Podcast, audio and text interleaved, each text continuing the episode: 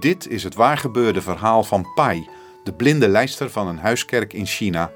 Ze wordt atheïstisch opgevoed, maar komt in aanraking met het programma Hoop voor Vrouwen van TWR. Jezus grijpt in in haar leven en ze kiest voor hem. Dit verhaal is eerder gepubliceerd in het boek Ik ben met je van TWR Nederland.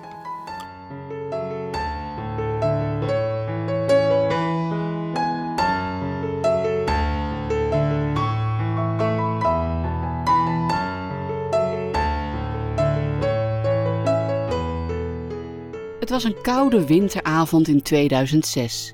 Een delegatie van Transworld Radio arriveerde op de luchthaven van Luoyang, de hoofdstad van de Chinese provincie Henan.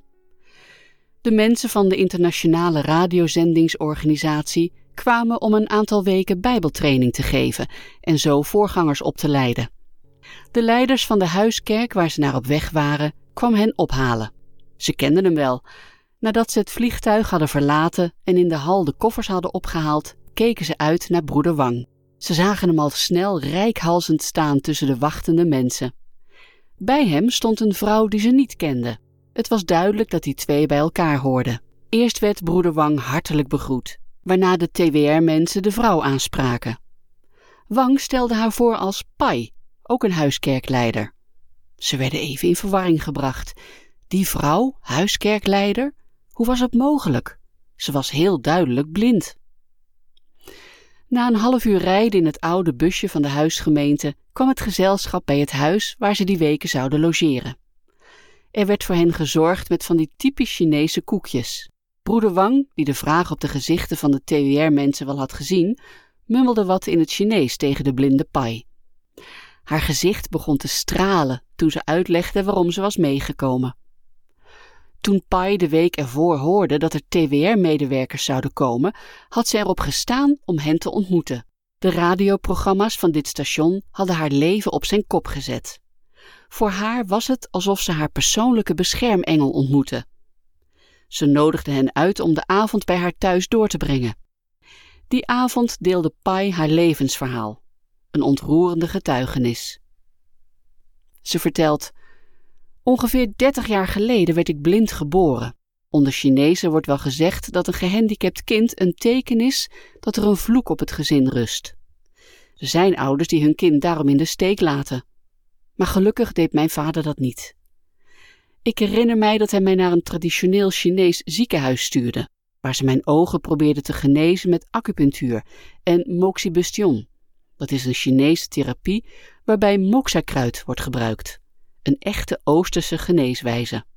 Maar het hielp allemaal niks. Mijn vader was een oprechte communist en geloofde niet in God. Hij moest helemaal niets van religie hebben. Hij leerde mij altijd dat er geen God was. Ik was mijn eigen God en ik kon zelf mijn levensbestemming bepalen. Sinds mijn kindertijd had ik daarom ook geleerd om alles in mijn leven zelf te controleren. Ik moest sterk en onafhankelijk worden.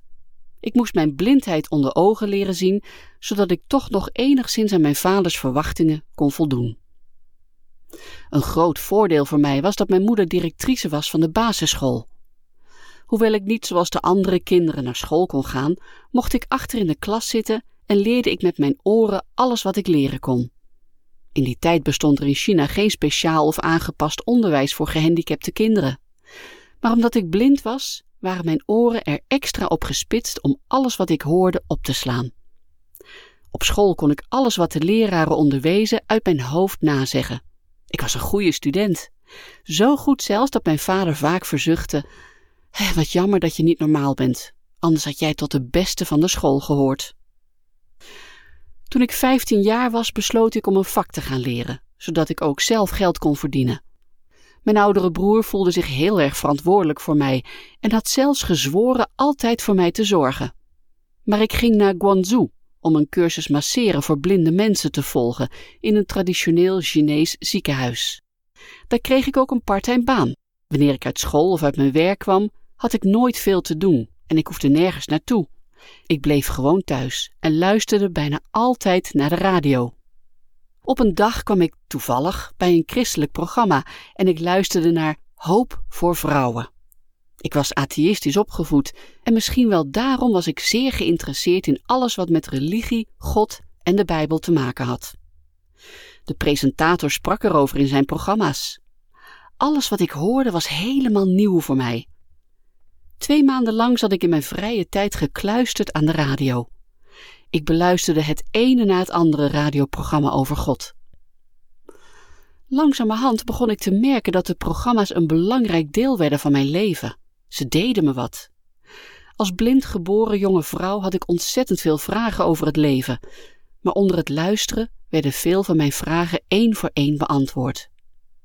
Hoe meer ik begreep van de Bijbel, hoe meer ik erover wilde leren. Ik was onverzadigbaar. Toch twijfelde ik om, zoals de presentator dat noemde, Jezus Christus aan te nemen als mijn verlosser. Op een dag las de presentator een gedeelte voor uit Johannes 8, waar Jezus opnieuw tot de menigte sprak. Hij zei: Ik ben het licht van de wereld. Wie mij volgt, zal beslist niet in de duisternis wandelen, maar zal het licht van het leven hebben. Tja, en toen brak er wat in mij. Als vanzelf ging ik op mijn knieën en ik bad: Jezus, als het waar is wat u zegt, doet u dan alstublieft wat u heeft beloofd. Al vanaf mijn geboorte heb ik nog nooit licht gezien. Geef mij alstublieft het licht van het leven. Terwijl ik zo geknield zat, voelde ik me opeens warm worden van binnen, vanaf mijn hoofd tot aan mijn voeten. Het was alsof een stralend licht mijn hart verlichtte, ook al konden mijn ogen nog steeds niet zien.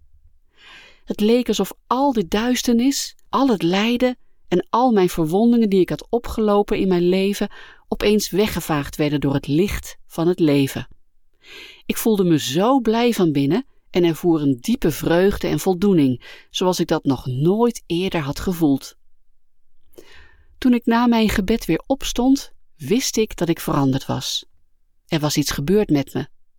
Jezus Christus was in mijn leven gekomen en Hij is het licht van de wereld. Vanaf die tijd was Zijn licht in mijn leven en wandelde ik niet meer in de duisternis. Ik bleef nog vijf jaar in Guangzhou wonen. Na drie jaar kreeg ik een leidinggevende functie in het ziekenhuis. In het vijfde jaar werd ik gepromoveerd tot afdelingshoofd. In de ogen van andere mensen was ik slim en zeer succesvol. Voordat ik Christus leerde kennen, probeerde ik veel te bereiken en deed ik er alles voor om te bewijzen dat een blind meisje zelfs beter kon presteren dan normale mensen.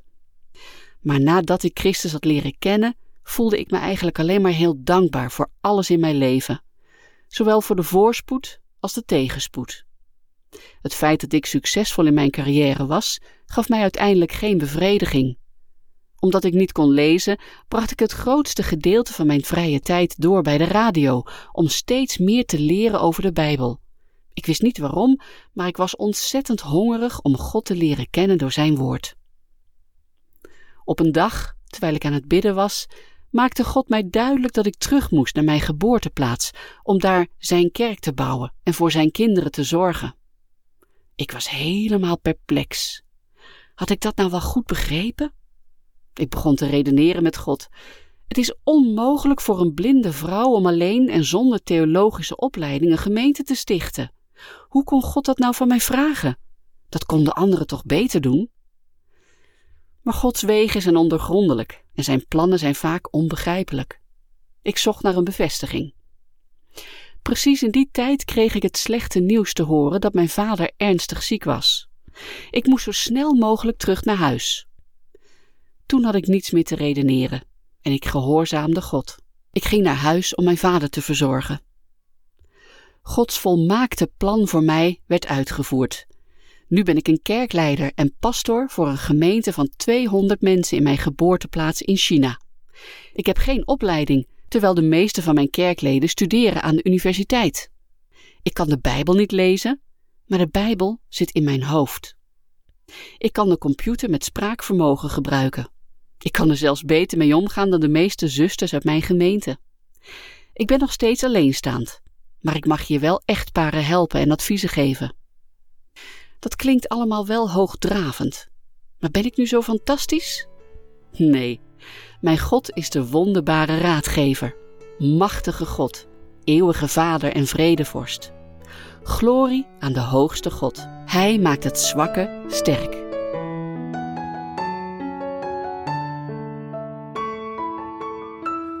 Wilt u het boek Ik ben met je zelf lezen?